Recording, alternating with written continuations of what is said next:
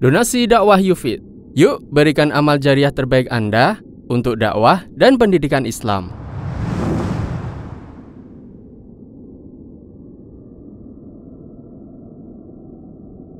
Bismillahirrahmanirrahim. Assalamualaikum warahmatullahi wabarakatuh.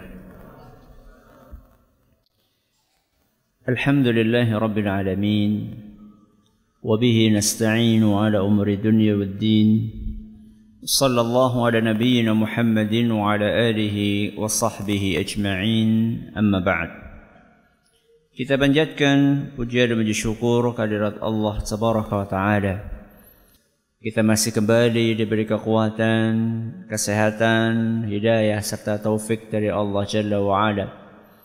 Sehingga kita bisa kembali menghadiri pengajian rutin untuk membahas adab dan akhlak di dalam Islam.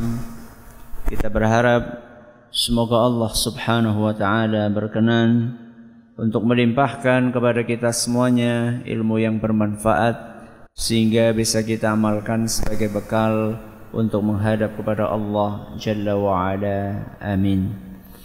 Salam dan salam semoga senantiasa tercurahkan kepada junjungan kita Nabi besar Muhammad sallallahu alaihi wasallam kepada keluarganya, sahabatnya dan umatnya yang setia mengikuti tuntunannya hingga di akhir nanti.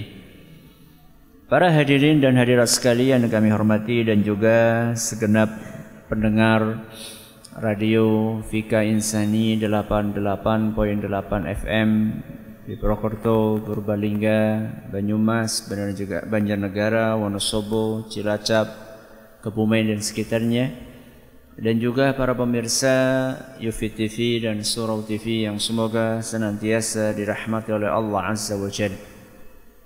Alhamdulillah pada pertemuan terakhir kita kita telah menyelesaikan pembahasan tentang hadis yang ke-16 dari Kitabul Jami' yang ada dalam Bulughul Maram karya Imam Ibn Hajar Al-Asqalani.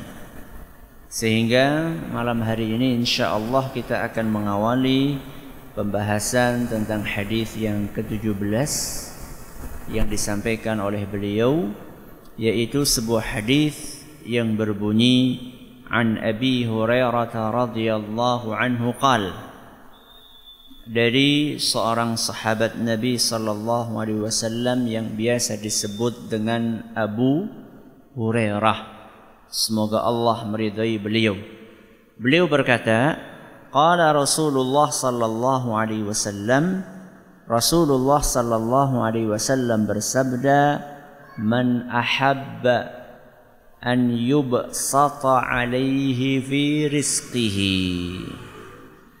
Barang siapa yang suka Barang siapa yang ingin diluaskan rizkinya.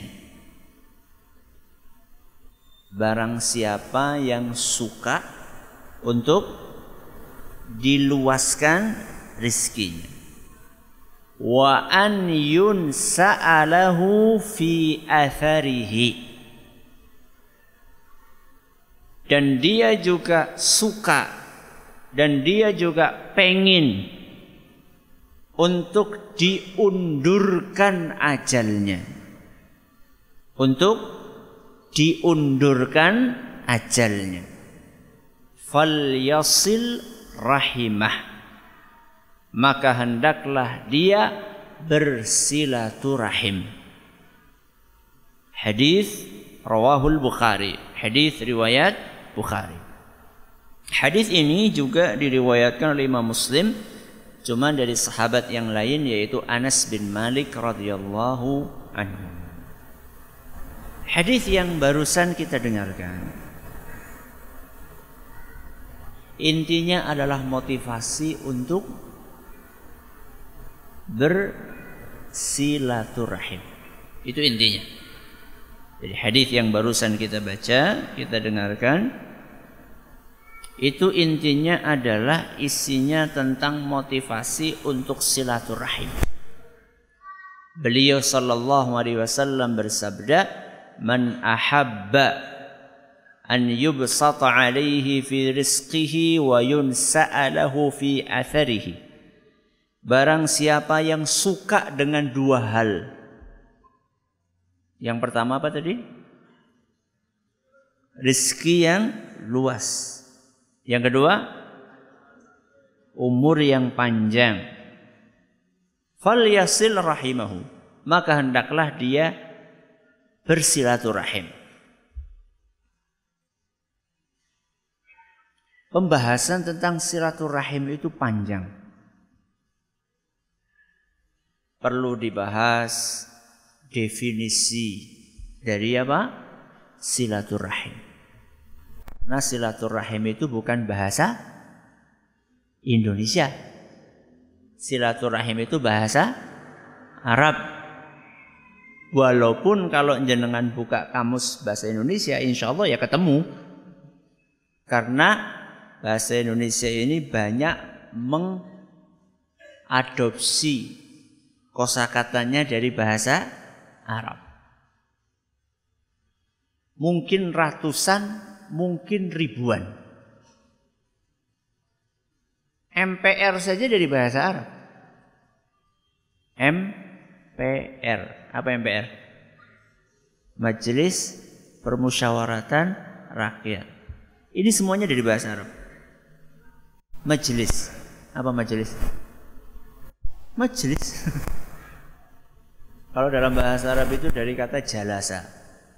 Terus jadi majelis. Ada majelis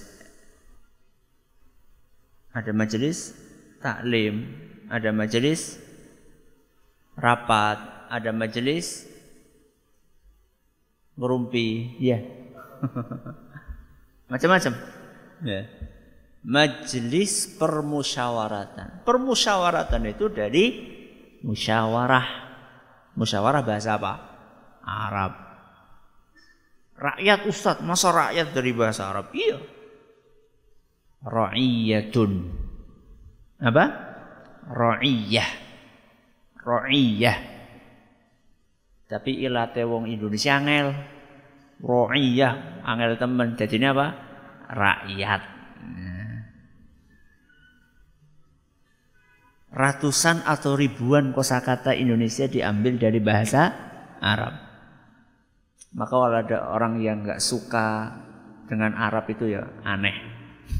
Loh bahasa kita banyak diambil dari Arab. Senin, Selasa, Rebo, Kemis, Jumat, Setu itu dari bahasa apa?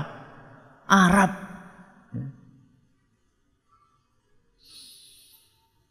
Kenapa kita sampai Arab ini? Silaturahim.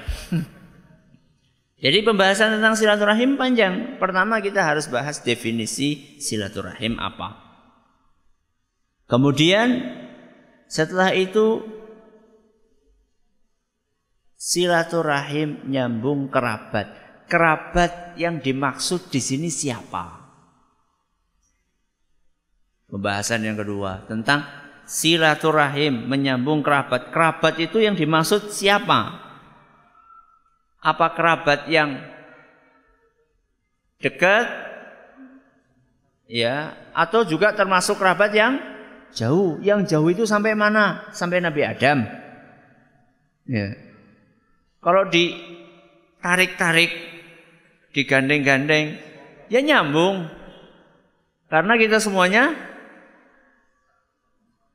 satu bapak moyang, yaitu Nabi Adam. Apa enggaknya silaturahim itu mencakup semuanya manusia berarti sama Firaun berarti silaturahim.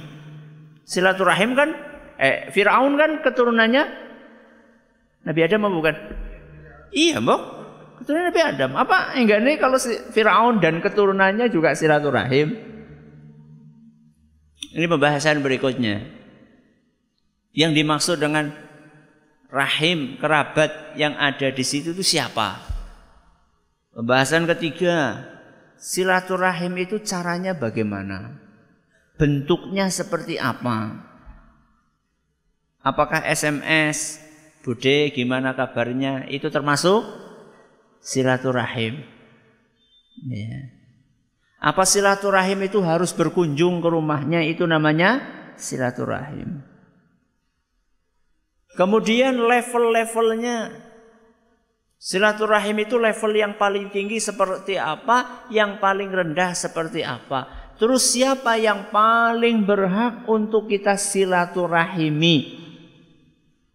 Karena dari sekian kerabat ada yang dekat, ada yang agak dekat, ada yang dekat banget, ada yang lumayan dekat, ada yang agak jauh. Terus apa sih untungnya kalau kita silaturahim? Untung di dunia dan di akhiratnya apa? Pembahasan lagi. Pembahasan berikutnya terus ruginya apa kalau enggak silaturahim? Ruginya di dunia dan di akhirat. Ini bisa pengajian ber berpengajian pengajian. Makanya kalau ngaji di sini sing dawa sing dawa ususe. Ya. Jadi pembahasan itu kadang-kadang memang panjang karena memang aslinya pan panjang. Ya. Yang sabar. Ya. Maka kita akan awali dari baca hadis ini terlebih dahulu.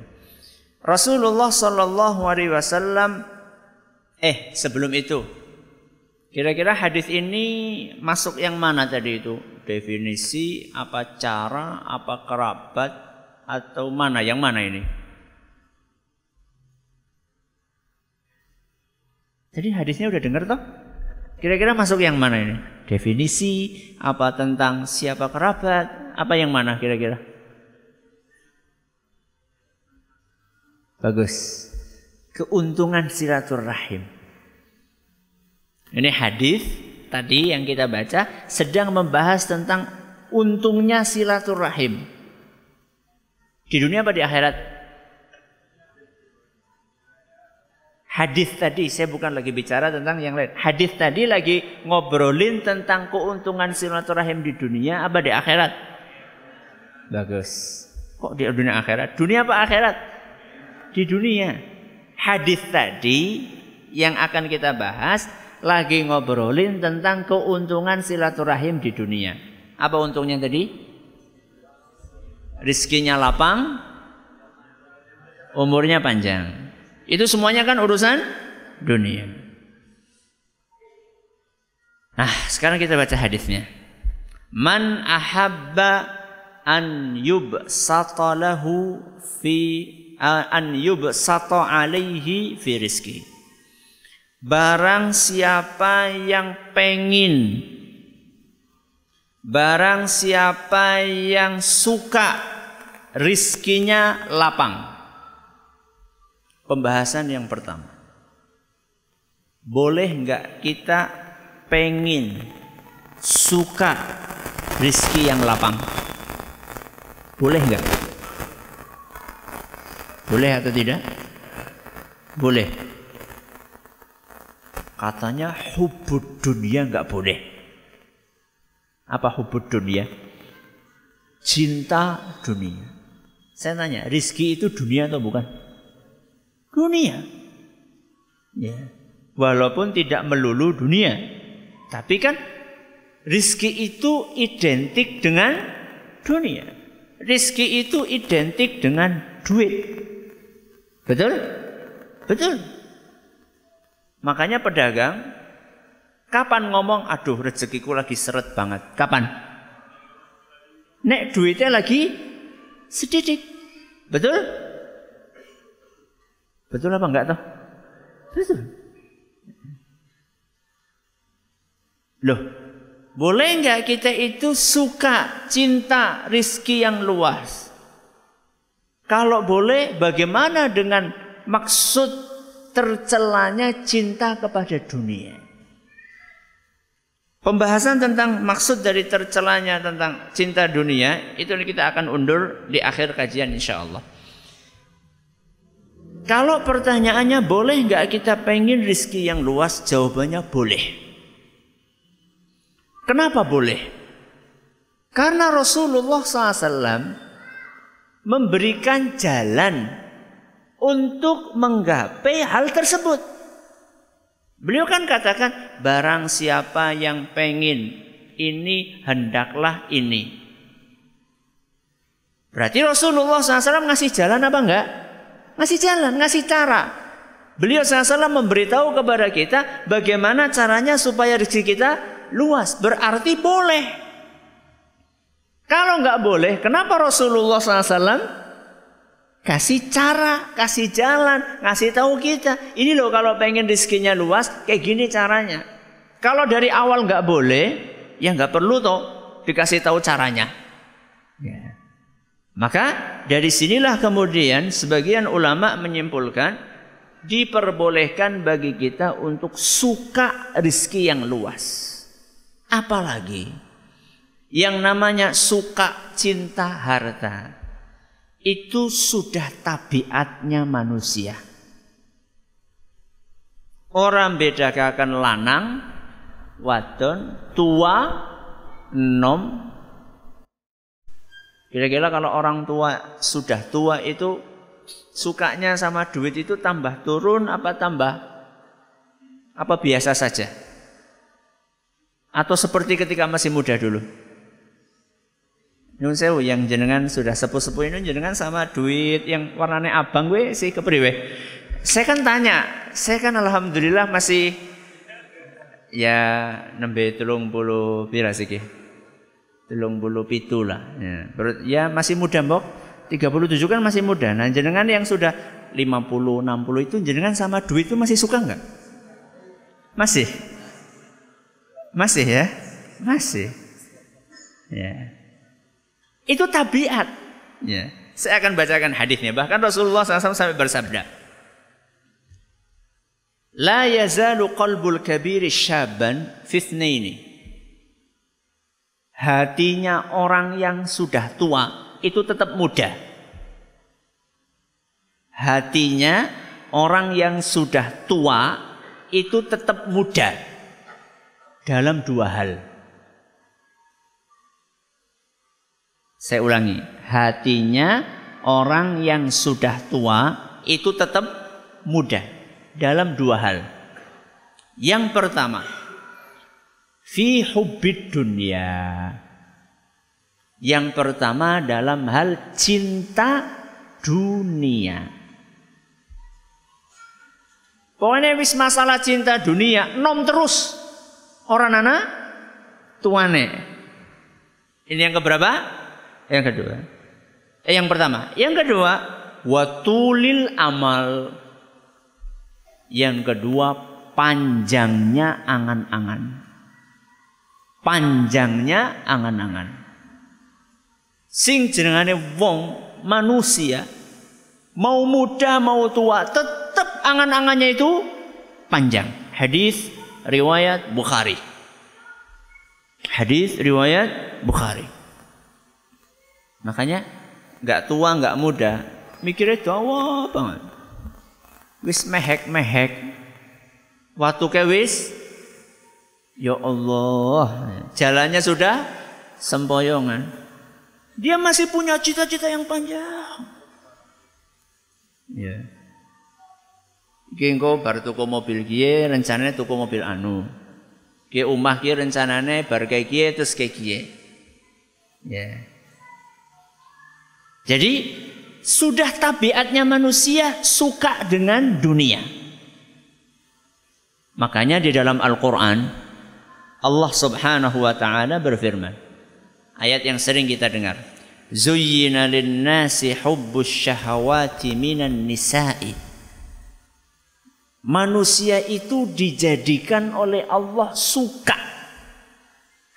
Tabiat manusia itu suka minan nisa'i. Napa nisa? Wanita. Laki-laki suka wanita. Wanita suka laki-laki. Ini sudah tabiat. Nek orang malah medeni. Nek orang malah medeni. Ya. Kelainan berarti. Satu. Wal banina anak dua. Ya. sudah tabiatnya. Manusia suka dengan anak. Wal qanatiril muqantarah. Dan harta yang banyak. Tabiat. Orang bedakan ustadz apa jamaah pengajian? Kiai apa santri? Pada baik.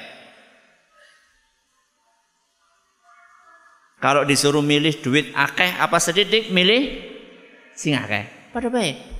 Ya. Dikira ustadz orang seneng duit apa? Berbaik. Ya. Ini sudah tabiat. Ya. Terus minad zahabi Dikasih contoh sama Allah harta yang banyak emas wal fiddati perak wal khailil musawwamati kuda jaran ya. wal an'ami hewan ternak sapi kambing onta wal harfi dan tanam-tanaman ini sudah tabiat manusia Tabiat manusia suka dengan dunia. Tapi Islam Tadi surat apa tadi? Belum ya? Surat Ali Imran ayat 14. Surat apa? Ali Imran ayat 14. Jadi surat Ali Imran ayat 14 itu menunjukkan bahwa manusia itu memang tabiatnya suka dengan harta, dengan duit. Itu sudah tabiatnya. Tapi yang membedakan antara orang Islam dengan yang bukan Islam. Antara orang yang beriman dengan yang tidak beriman. Yang membedakan apa? Satu, cara mencarinya. Cara mencarinya. Dua,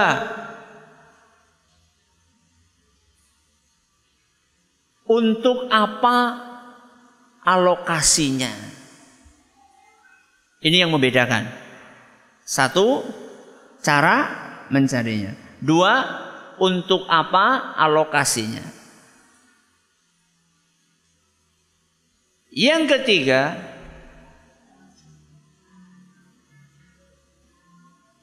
apa tujuan utamanya?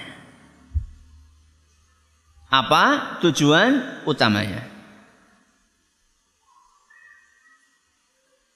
Jadi kalau ditanya orang yang beriman suka duit suka. Terus orang tidak beriman suka duit suka. Bedanya apa? Bedanya satu. Apa tadi? Cara mencarinya.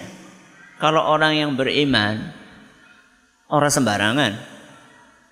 Dia akan mencari dengan cara-cara yang diperbolehkan oleh agama kita. Ya. Dia akan selektif di dalam mencari harta.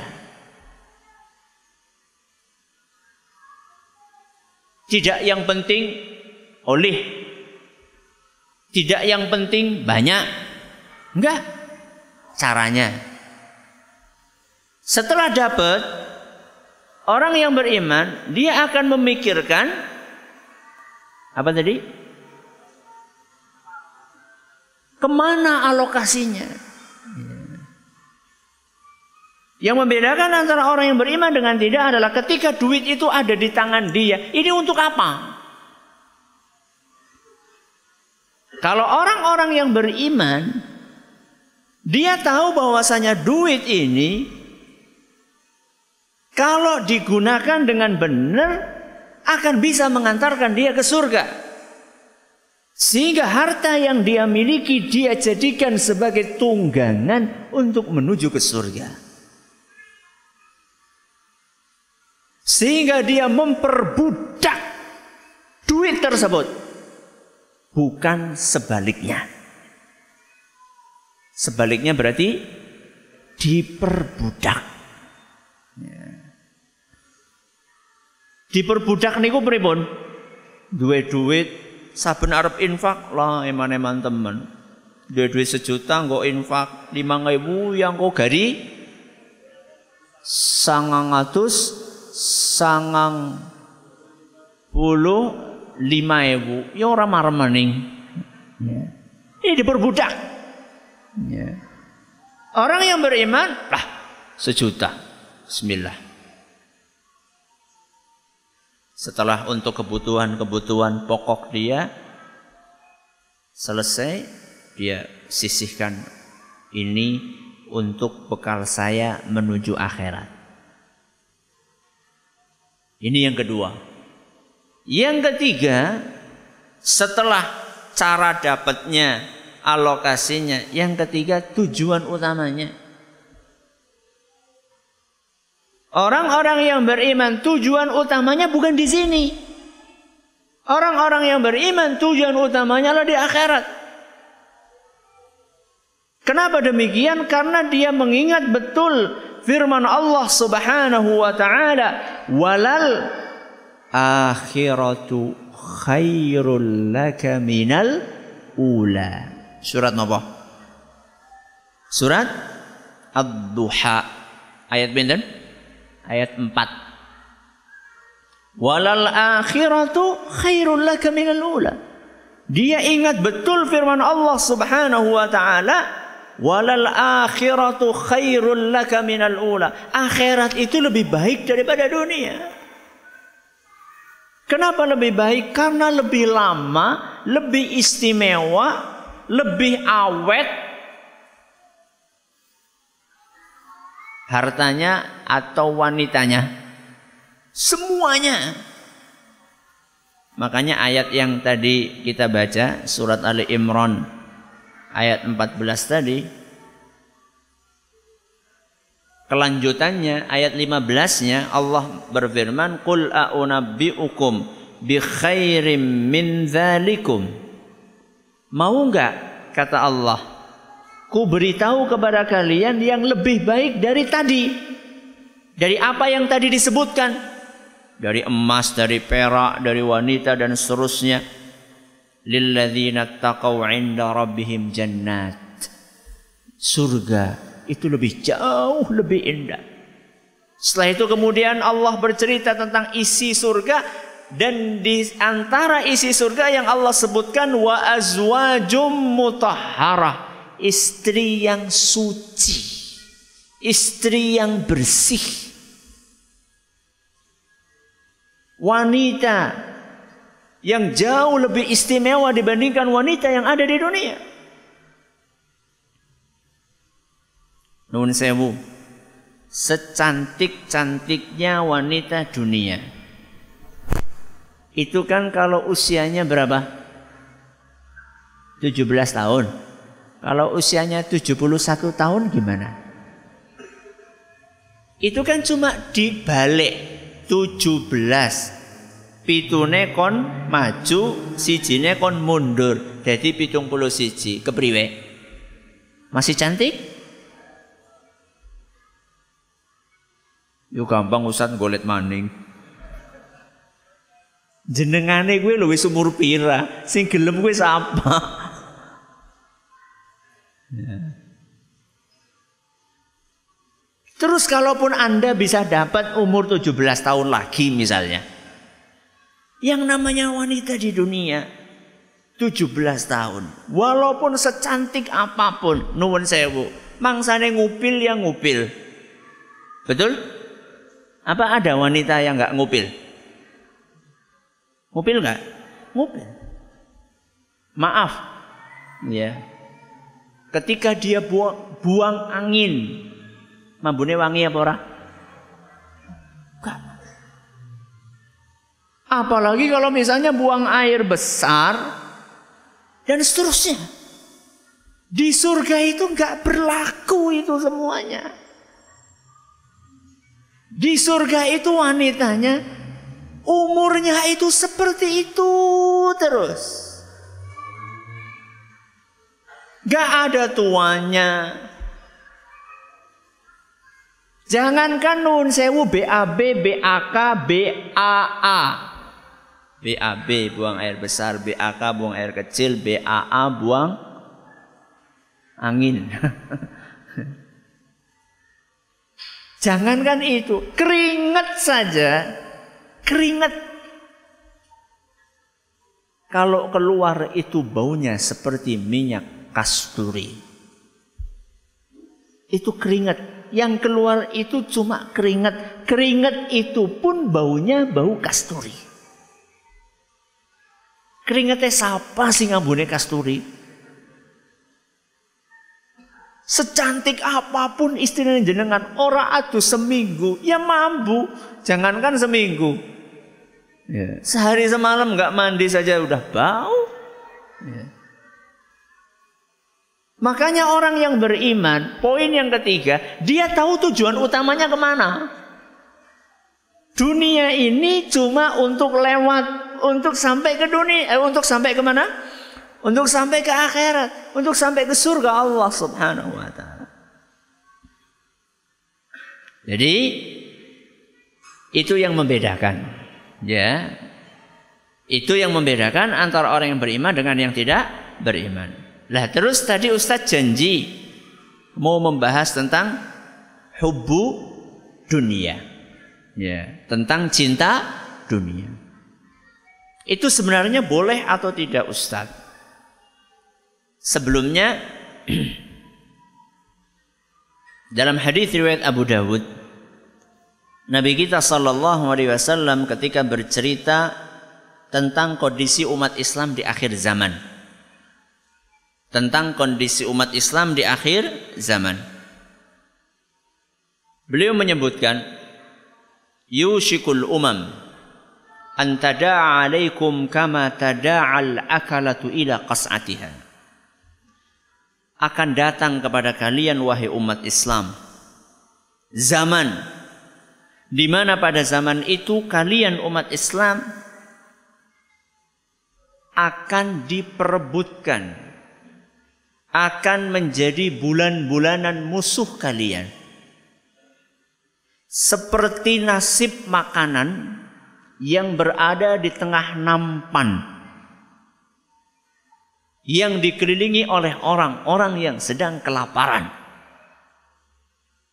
Kira-kira bagaimana nasib seekor ayam panggang yang ada di tengah nampan yang dikelilingi oleh lima tujuh orang yang sedang kelaparan. Bagaimana nasibnya? Tragis.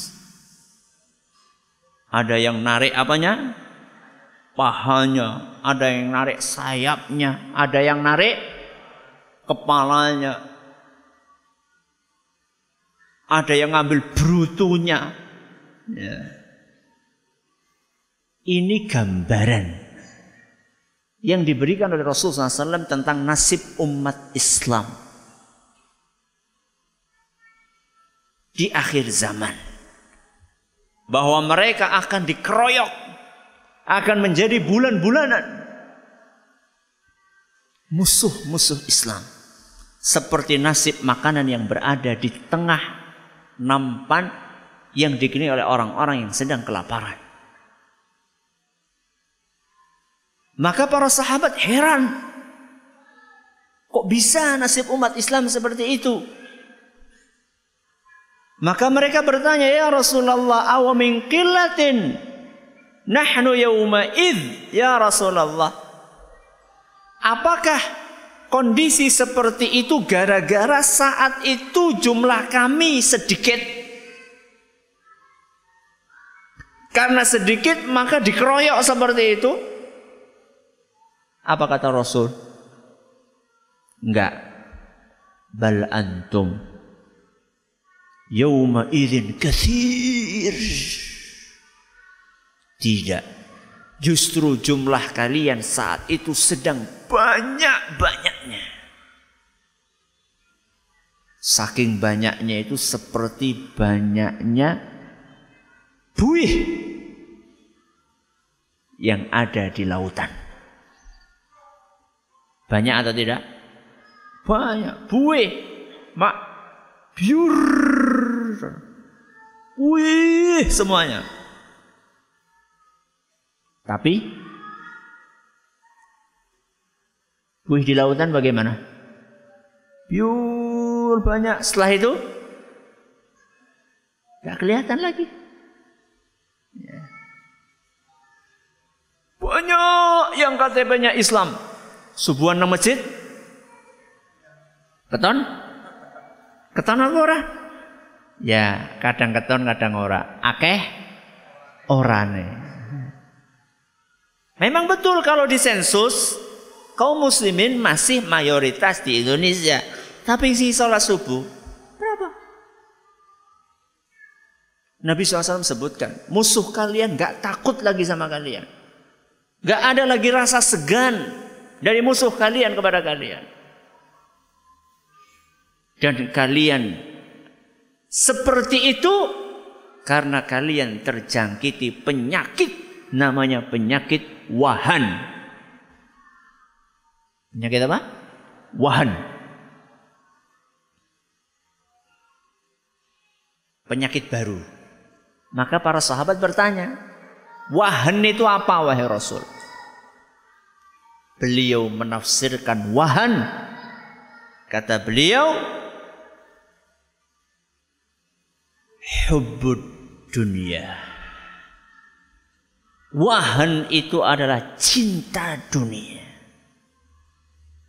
Wa karahiyatul maut dan benci mati. Apa yang pertama? Cinta dunia. Yang kedua, benci mati.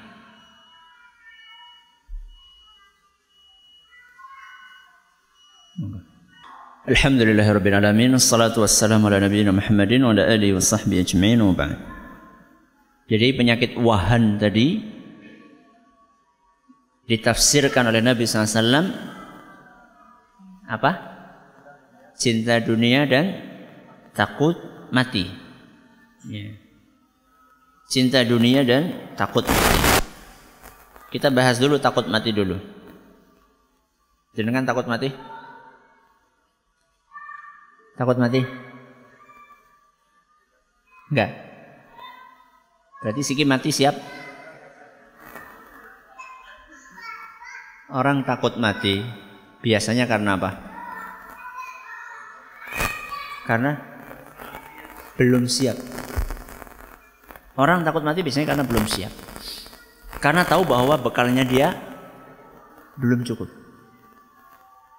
Tapi kalau tahu bekalnya sudah cukup, malah pengen mati. Malah pengen mati.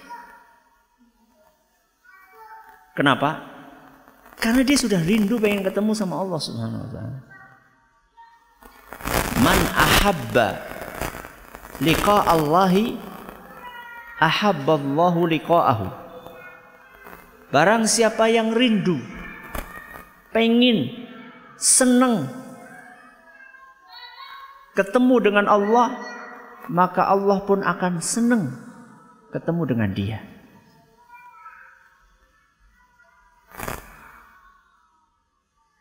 Wa man kariha liqa Allahi kariha Allahu liqa'ahu. Barang siapa yang tidak suka Barang siapa yang benci ketemu dengan Allah Maka Allah pun akan benci ketemu dengan dia Mudah-mudahan kita termasuk orang yang Merindukan pertemuan dengan Allah subhanahu wa ta'ala Ini adalah takut mati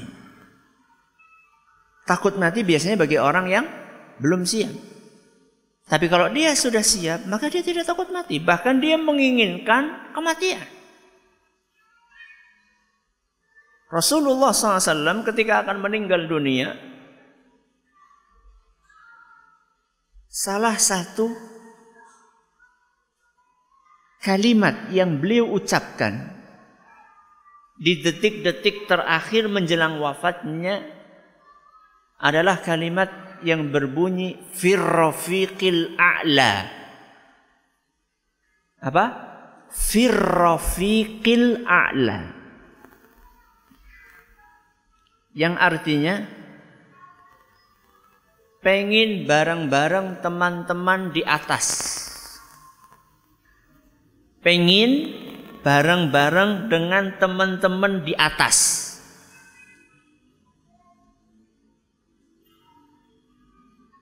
Rasulullah SAW sempat ditanya tentang maksud ungkapan tersebut. Apa maksudnya? Dalam hadis lain beliau menjelaskan setiap nabi setiap nabi sebelum meninggalnya akan diberi penawaran oleh Allah. Setiap nabi sebelum meninggalnya akan diberi penawaran. Suruh milih. Ditambah apa nih? Umurnya apa wafat sekarang?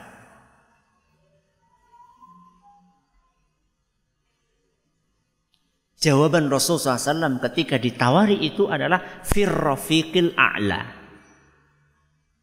Bareng dengan teman-teman di atas.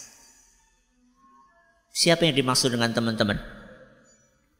Para nabi yang lain. Yang sudah duluan. Menghadap kepada Allah. Jadi nabi milih yang mana? Milih yang mati. Wafat. Karena beliau sudah siap dan beliau sudah rindu ingin bertemu dengan Allah Subhanahu wa taala. Saya dan jenengan seandainya dan tidak akan terjadi. Saya cuma ngomong seandainya. Ketika akan mati didatangi malaikat ditawari. Arab nambah apa wis milinti. Firrofiqil Allah part time.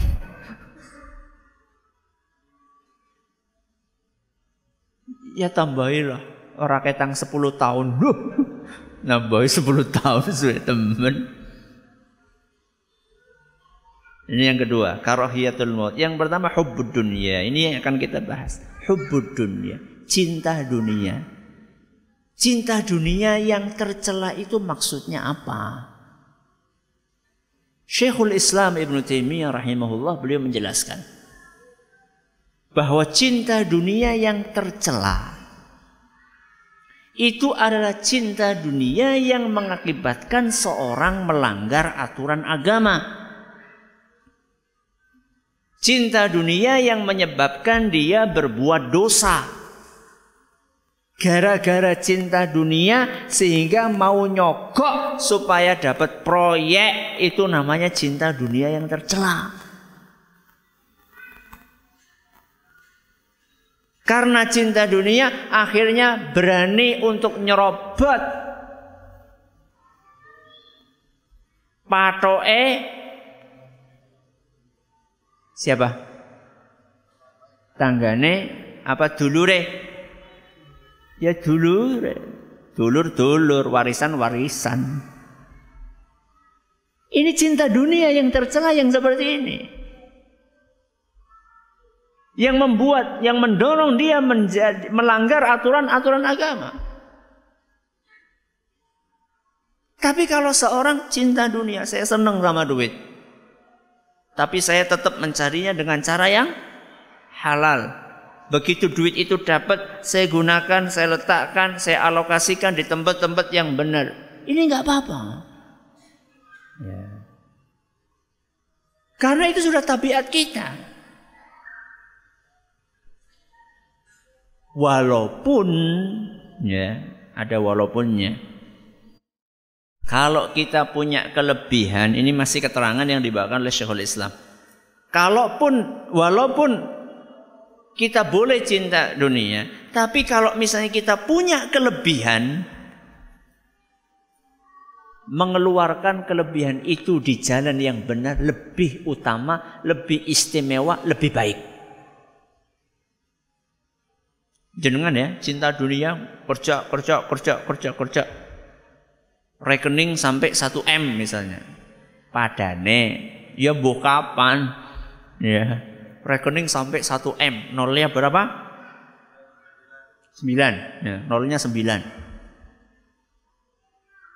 Kalau memang itu berlebih, sebaiknya dikeluarkan. Di jalan yang benar maksudnya. Ya orang ketang uh, luwih 1 M ya, ya 300 juta nggo bangun masjid, 300 juta nggo apa? Pesantren, 300 juta nggo anak yatim, orang-orang miskin. Alhamdulillah, lega banget duit wis entong. Kayak gue? Kayak gitu atau tidak? Itu yang dilakukan oleh para sahabat dan Rasulullah SAW. Rasulullah SAW kaya atau miskin? Kaya dan miskin. Ini pernah kita bahas. Kadang kaya, kadang miskin. Rasulullah SAW dapat jatah khusus dari harta rampasan perang. Dapat jatah khusus harta rampasan perang. Tapi begitu beliau dapat, gak awet di rumahnya. Dan itu perilaku itu diwarisi oleh para sahabat yang lain. Para sahabat beliau pun mewarisi seperti itu, mewarisi akhlak, tipe, cara, pola pikir seperti seperti itu. Berarti roli nabung Ustaz? Ya boleh. Akan tetapi ketika kita tahu ini berlebih, sudah. Kasih, ini buat jalan kebaikan, jalan kebaikan. Langkola Ustaz ngenteni nek wis tua Ustaz ke tua enom pada baik masalah cinta dunia tetap enom. Jadi jangan jangan pikir langko infaknya wis wis ora oleh mangan piye, ora oleh mangan kiye, ora oleh mangan kiye engko bae infak. Iya nek umure gutul tua. Ya. Saya tidak berar tidak mengatakan wis modalnya ditongakan kabeh, ngesuk ora bisa dagang maning. Bukan, bukan. Bukan itu yang saya maksud akan tetapi sewajarnya saja. Wallahu taala a'la wa alam. Ini yang dapat kami sampaikan pada kesempatan kali ini. Terima kasih atas perhatiannya. Mohon atas segala kurangnya kita tutup dengan membaca Subhanakallahumma wa bihamdika asyhadu an la ilaha illa anta astaghfiruka wa atubu ilaik. Assalamualaikum warahmatullahi wabarakatuh. Donasi dakwah Yufid. Yuk berikan amal jariah terbaik Anda untuk dakwah dan pendidikan Islam.